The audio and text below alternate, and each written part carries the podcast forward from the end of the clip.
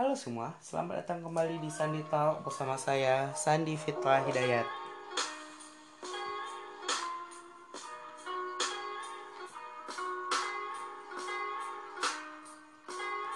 Oke, halo semua, apa kabar kalian? Semoga kalian selalu baik-baik saja ya. Semoga kalian tetap sehat-sehat selalu, tetap dalam lindungannya dan tidak lupa juga untuk selalu menjaga kesehatan apalagi di saat-saat seperti saat ini ya ada wabah corona dan mari kita berdoa sejenak semoga wabah ini cepat selesai sehingga kita bisa menjalankan aktivitas kita seperti biasa lagi. Uh, di hari ke-25 bulan ketiga tahun 2000 lebih 20 ini, gue akan membahas tentunya tidak tentang corona dong.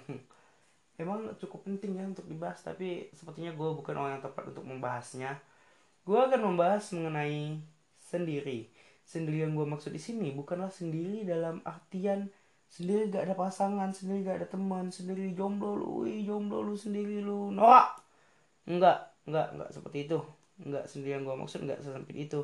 Sendiri yang gue maksud kayak ya sendiri literally sendiri gitu loh. Menyendiri jadi diri sendiri atau apalah itu yang intinya sendiri gue itu tipikal orang yang emang suka sendiri gitu loh. Gue uh, kayak apa-apa sendiri makan ke kantin sendiri ke sana kemari sendiri.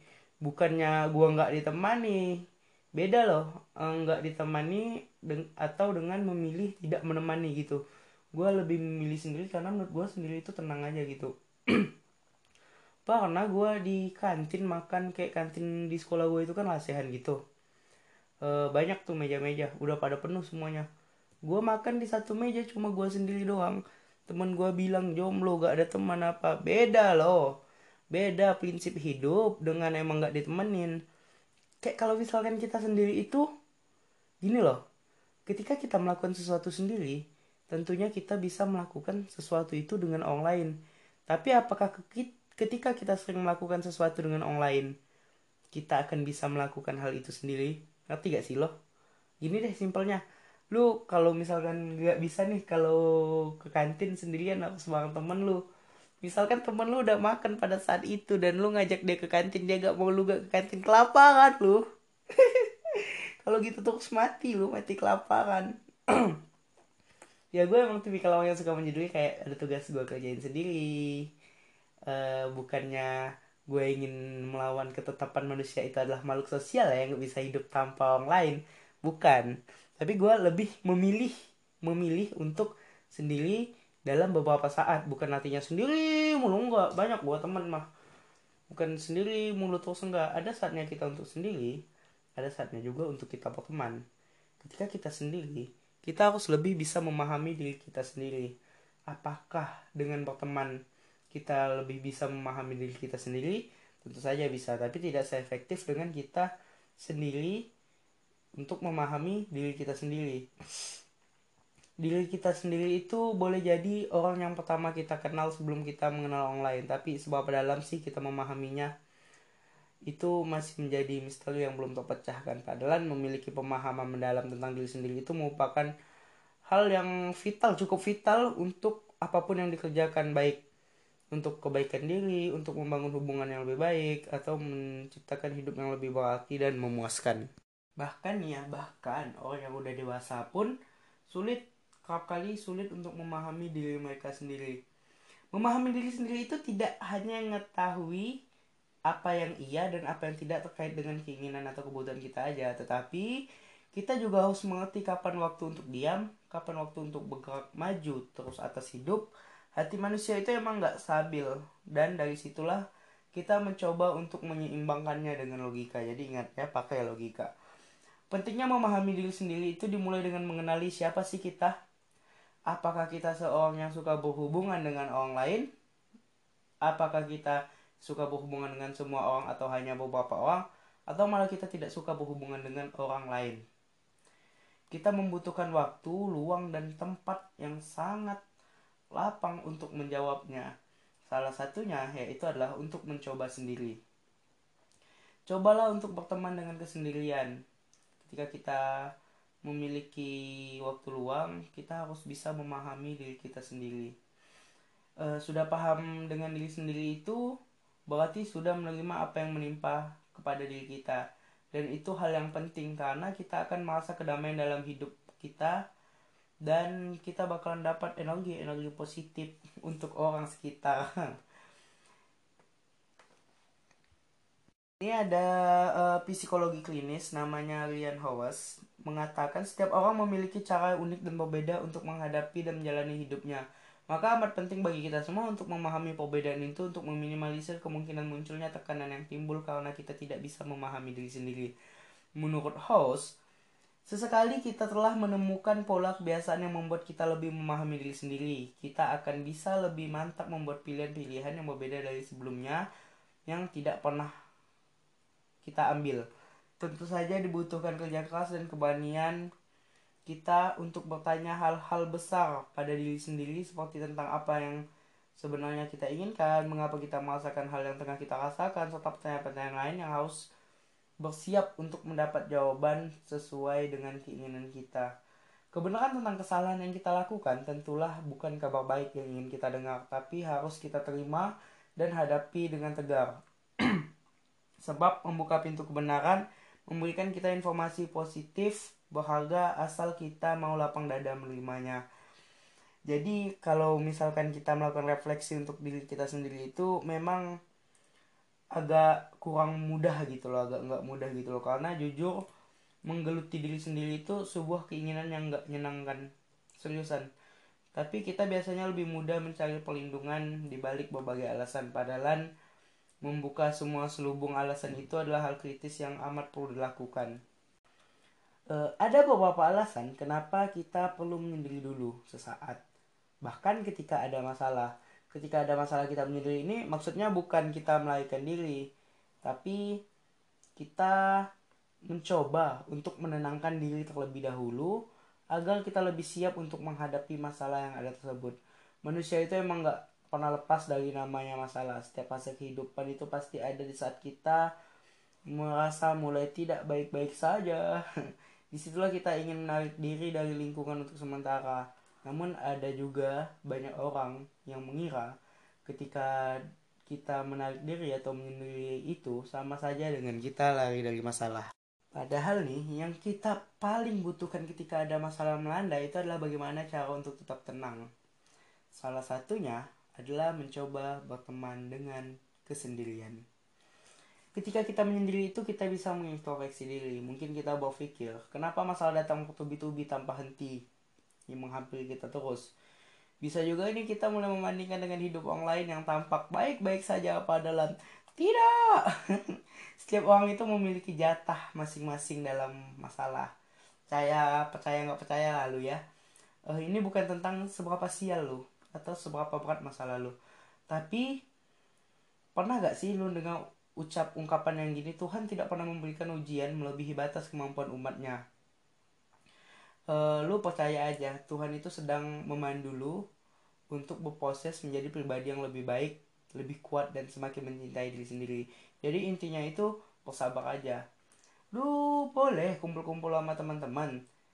Karena uh, kumpul sama teman itu tentu menjadi salah satu momen yang membahagiakan bersama mereka. Itu kita bisa mencanakan hal-hal seru dan masalah-masalah bisa terlupakan. Namun, namun, namun nih, tentu di suatu titik kita akan mulai merasa titik jenuh. Kita mulai merasa tidak lagi mengenal diri sendiri karena bisa jadi setiap keputusan yang kita ambil ada campur tangan dari orang lain atau dari teman-teman kita. Padahal yang paling paham apa yang kita butuhkan adalah diri kita sendiri. Benar nggak tuh? Bukan berarti kita nutup telinga, nggak mau dengerin saran dari teman-teman. Enggak, kita hanya mencoba untuk mendengarkan isi hati kecil kita. Bisa jadi sumber masalah akan terselesaikan dari situ. Kita bisa aja nih ngerasain kebahagiaan dan sedih dalam waktu yang bersama. Jika kita buka media sosial itu hanya akan membuat luka dan masalah kita akan semakin besar. Inilah nih saat yang tepat untuk kita pergi dari sana, kita melarikan diri dari sana. Kita nggak perlu tuh kita kabarin teman-teman kita ke teman dekat sekalipun kalau kita mau sendiri nggak itu lu kabarin juga nggak perlu dikabarin kalau misalkan kita butuh waktu sendiri ke teman-teman toh akhirnya kita juga akan mengetahui bahwa berpura-pura membagi kebahagiaan di media sosial sama sekali tidak mengobati luka di hati. Kemudian tuh bersama orang lain itu justru membuat semakin depresi. Kenapa? Santai dulu, dengerin dulu karena bersama mereka kita bisa aja dituntut untuk baik-baik saja. Kadang memilih untuk tetap bersosialisasi saat dirundung masalah justru membuat semakin tidak leluasa jadi diri sendiri. Saat bersama mereka kita tidak mau menutupi rasa sedih. Saat perasaan ini uh, meledak menduar gitu loh kamu nggak tahan lagi untuk nahannya. Uh, lu bakalan depresi karena tidak mampu mengungkapkan rasa sedih pada dunia. Maka dari itu tidak apa jika kamu ingin melihat sejenak dari aktivitas bersama teman-teman sementara waktu mereka pasti ngerti kok kalau lu itu lagi butuh sendiri. Menyendiri itu akan membantu buat kita sadar gitu loh. Terus menerus bertahan dalam lingkungan yang salah tidak akan membuat kita keluar dari masalah.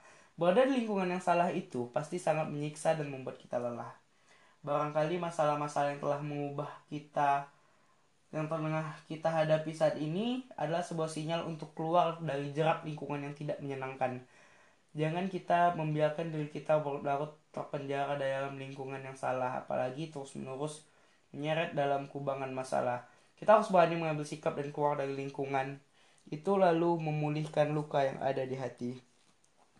Ketika kita melewati fase menyendiri ini, kita akan menyadari betapa bangganya kita terhadap diri sendiri. Waktu berganti, kita mulai mampu untuk menata hati setelah masalah-masalah yang kita hadapi perlahan menepi. Wih, gila, makasih anjir. Kerennya gua. setelah kita memikul beban berat yang tak kunjung usai, kita pasti akan dapat diri kita itu sudah bukan pribadi yang dulu lagi. Lepas dari rapuh, kini kita merasa tangguh. Wih, anjir. Spontan loh ini. Masalah demi masalah telah berhasil kita lewati, kita tidak berpura-pura kuat padahal kita sudah sangat ingin mengumpat. Akhirnya kita menyadari kita harus mengambil jenas sejenak untuk mengalami, mengalami masalah adalah hal yang wajar untuk dilakukan. Jadi masalah itu adalah hal wajar. Jadi jangan kalau ada masalah lu santai aja gitu loh, pasti selesai masalahnya. Tergantung dari cara kita menanggapi masalah tersebut. Semua orang pasti memiliki cara masing-masing untuk menyelesaikan masalah mengurung diri, memberikan jeda waktu, tidak berinteraksi bukan hal yang salah. Tapi ingat, jangan sampai karena kamu terlalu sibuk meratapi masalah, kita mengabaikan ong-ong sekitar. Ong-ong sekitar itu juga sangat penting. Percaya, setelah semua ini, kita bakalan semakin bangga dengan diri kita sendiri. Satu hal yang penting juga adalah kita harus bisa berdamai dengan diri kita sendiri gitu loh. Gue sekarang kayak kalau ada masalah gue ketawa aja gitu. Gue ngenawain diri gue sendiri. Seriusan gue kecelakaan dari motor gue ketawa. Seriusan gue jatuh nih kan bawa motor yang set jatuh. Gue udah baring di jalan gue ketawa. Lucu aja gitu. Karena kalau kita udah bisa mempertawakan diri kita sendiri itu kita itu artinya sudah bisa berdamai dengan diri kita kita udah memiliki suatu kemampuan lebih dan menunjukkan suatu kualitas bahwa kita bisa berdamai dengan diri kita sendiri. Pernah gak sih kita itu mengalami sesuatu kegagalan dalam hidup? Pasti pernah. Semua orang pasti pernah ngalamin sesuatu yang namanya kegagalan. Misalkan lah putus cinta wah kesian. Oh, kita putus cinta gagal dapatkan nilai tinggi atau dapat sesuatu yang kita inginkan bisa menjadi beberapa contoh kegagalan. Beberapa orang dapat dengan cepat melupakan suatu masalah tersebut, dapat dengan cepat bisa disebut move on. Tapi tidak semua dapat memulihkan diri dan menerima kenyataan dalam waktu yang singkat. Bila dibiarkan, penyesalan atas kegagalan besar dapat membuat kita membenci diri sendiri dan mempengaruhi kesehatan mental. Oleh karena itu, kita harus bisa memahami diri kita sendiri tidak ada salahnya ketika kita mengetahui cara damai dengan diri kita sendiri. Ada beberapa cara nih yang mungkinlah bisa membantu membuat kita berdamai kepada diri kita sendiri. Uh, by the way gue minta maaf dulu nih kalau banyak suara gue pilek ya. Sebisa mungkin gue hilangin tapi ya gimana juga. Gue agak ya pilek lah gue yang pertama harus kita lakuin ketika kita ingin berdamai dengan diri kita sendiri adalah ikhlas dengan diri sendiri. Saat kegagalan terjadi penyesalan terhadap diri sendiri akan muncul. Kita dapat belajar untuk lebih ikhlas terhadap diri sendiri dari lingkungan di sekitar. Tidak semua hal yang ada di dunia ini sempurna termasuk kita sendiri. Nggak ada yang sempurna. Belajarlah untuk menerima kelebihan dan kekurangan yang, yang kita miliki agar kita bisa menjadi lebih ikhlas. Kemudian lakukan meditasi atau aktivitas spiritual. Nah aktivitas spiritual ini juga menurut gue merupakan salah satu hal yang dapat kita lakukan untuk memahami diri sendiri untuk berdamai dengan diri sendiri atau dengan yang lainnya lah. Uh, dan juga meditasi kegiatan meditasi. Gue sering ya meditasi. Biasa gue meditasi itu sebelum tidur malam. Kayak udah jalan seminggu gitu meditasi. Kayak tenang banget ada masalah gitu. Santai aja gitu gue udah kesuges bahwa masalah itu akan selesai gini. Dan masalah itu sesuai dengan alurnya karena gue tenang tadi. Bayangin aja kalau misalkan gue nggak tenang masalahnya nggak bakalan selesai. Lu coba deh meditasi. Uh, eh, gue biasanya meditasi 12 15 sampai 20 menit gitu sebelum tidur. Ketika tidur tenang banget lu nyenyak banget bangunnya bangun tidur lu juga enjoy gitu loh. Nggak ada beban lagi di pikiran. Meditasi itu berfungsi untuk melepaskan seluruh beban pikiran dan menarik maupun membebani tubuh kita bila dilakukan secara berkala itu kita dapat membuat tubuh dan pikiran lebih tenang lengkapi dengan aktivitas spiritual juga seperti doa, ibadah, dan memunculkan harapan hidup yang baru untuk ke depannya. Penting banget loh ibadah. Ibadah kayak me time yang paling berkualitas. Ibadah, ibadah malam loh.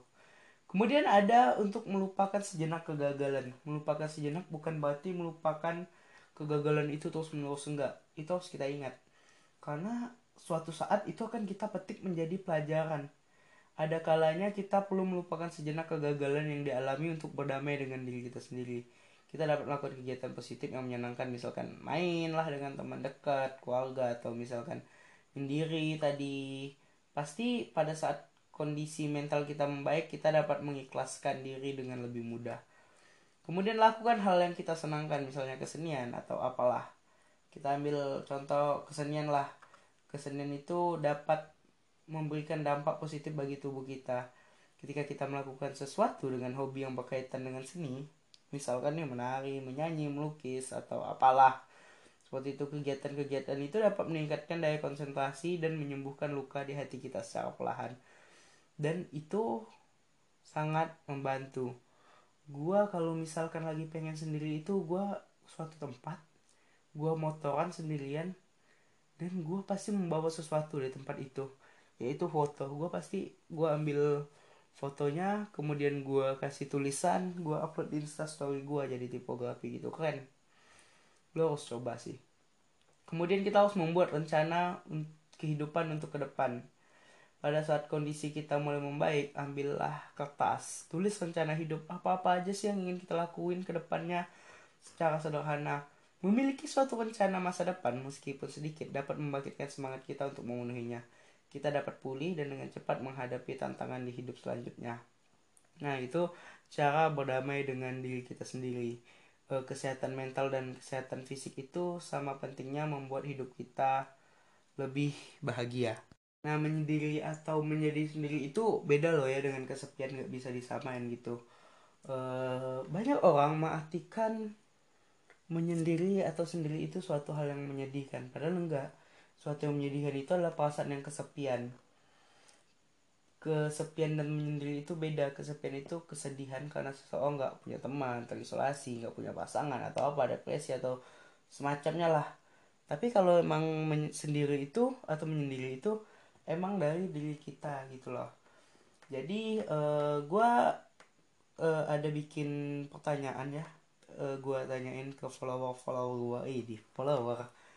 Udah dipilih beberapa nggak dipilih juga sih. Kita lihat-lihat dulu ya. Ada ini. Jadi gue step di podcast gue bukan gue isi dengan sesi tanya jawab di ujung podcast. Tapi ada kesimpulan lagi di ujung. Oke langsung aja first question cara deketin cowok. Cara deketin cowok tapi yang nanyanya cowok. Enggak nih ada cara deketin cowok cara deketin cewek. Oke. Dari gua cara mendekati cowok nih ada cowok ya. Cowok nih cowok. Ada cewek ini lu nih. Nah lu samperin. Nah lu deket sama mereka itu cara deketin cowok dan cewek. Oke okay, next. Bagaimana tanggapan anda untuk anak-anak yang suka berkeliaran padahal sudah dikasih tahu jangan aduh itu pilihan sih. Kita juga nggak bisa melarang mereka tapi sebaiknya jangan keluar dulu lah di saat yang kayak gini. Itu lebih ada baik ada kala baiknya kita untuk stay di rumah dulu. Jangan keluar karena kesehatan kita lebih penting gitu loh. Kita keluar sebentar bisa sakit sampai sampai meninggal loh. Tapi ketika kita stay maka kita bisa sehat untuk selamanya. Next question ah, bagaimana cara supaya bisa rajin kayak abang ini? Rajin apanya? Ini ada lagi Nisan kasih tips supaya lebih rajin belajar. Nggak rajin loh saya ini. Cuma apa ya? Nggak tahu nggak rajin seriusan nggak rajin. Mas banget. Uh, tips ya biar rajin. Kita jawab lah. Uh, niat sih yang penting. Ketika kita sudah memiliki suatu niat kita pasti melakukan niat tersebut dengan sangat lapang dada tapi niat tersebut harus bulat jangan niat asal-asalan. Oke. Okay uh, tanggapan tentang orang yang datang pas ada butuh aja. Ya gimana ya? Mereka kalau datang ketika mereka butuh ya nggak apa-apa dong. Ih gimana sih gue ketika orang yang datang ketika butuh aja itu kita harus menanggapinya juga sesuai dengan kebutuhan aja jangan kita menanggapi berlebihan mereka datang pas mereka lagi sedih ya kita bantu dong mereka karena ketika kita lagi sedih bisa jadi juga orang tersebut datang untuk membantu kita itu nggak datang pas butuh terus Bagaimana cara agar bisa melupakan dia yang telah membuat saya patah hati? Ya tadi dengan menyendiri, udah gue jelasin. Dengan menyendiri, lu bisa melupakan apa-apapun masalah lu menyendiri lu lupakan sejenak masalah mencoba berdamai dengan diri sendiri mencoba untuk ikhlas mengenali diri sendiri insya Allah tuh lupa tuh. Ini pertanyaan yang lumayan deep ya menurut gua. Apakah pernah minder atas segala kekurangan? Gua jujur nggak pernah minder atas segala kekurangan walaupun gua seperti ini. Nggak gua nggak pernah minder atas segala kekurangan. Minder sih pernah tapi nggak gimana gitu ya. Paling mindernya dikit lah tapi minder yang berarti gitu nggak. Gue nggak minder. Gue bangga dengan diri gue sendiri. Oleh karena gue bisa untuk memahami diri sendiri bisa untuk ikhlas dengan diri sendiri bahkan menertawakan diri sendiri oleh karena itu gue bangga dengan diri gue sendiri. Kita udah memiliki semangat untuk hidup gitu. Kenapa nggak kita bangga kepada diri kita? Nggak ada salahnya loh kita harus love yourself gitu loh cintai diri kita sendiri. Oke jadi ada seseorang yang harus kita bahagiain.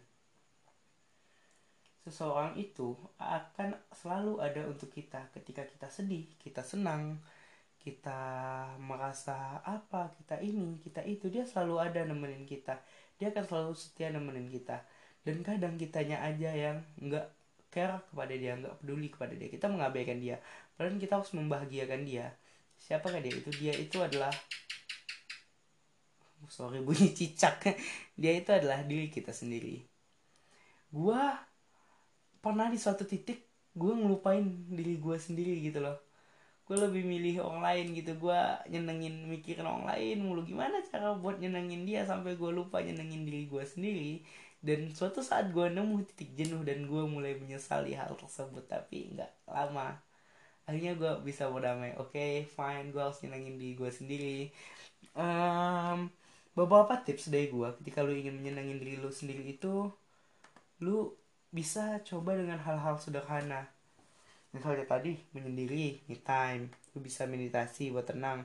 Dan yang sering gue lakuin untuk menyenangkan diri gue adalah dengan memberi diri gue sendiri hadiah. Bayangin gak tuh ngasih diri sendiri hadiah dari diri sendiri. Tapi nggak ngasih hadiah setiap hari ngasih hadiah enggak ketika gue mencapai suatu reward tertentu suatu pencapaian tertentu dalam hidup gue gue akan menghadiahi diri gue sendiri. Misalkan gue menang lomba gue pasti akan membelikan sesuatu untuk diri gue sendiri sebagai hadiah. Dengan itu kita akan lebih bisa menyenangkan atau menyayangi diri kita sendiri uh, ya apalagi ya? Udah sih cukup sih buat podcast kali ini. Uh, kalau ada manfaatnya diambil saja. Jika tidak ada manfaatnya ya tidak apa-apa. Tapi pasti adalah manfaatnya. Oke semoga kalian betah dengan podcast ini. Uh, stay at home jangan keluar keluar lagi musim corona lu mau lu sakit. Janganlah. Nanti kalau kamu sakit mana susah juga kan Oke, segini dulu podcast dari saya untuk hari ini. Intinya kita harus bisa berdamai dengan diri kita sendiri, memahami diri kita sendiri dan meluangkan waktu untuk diri kita sendiri. Oke, gue tutup laptop. Gue sendiri Fatah See you in the next podcast. Bye bye.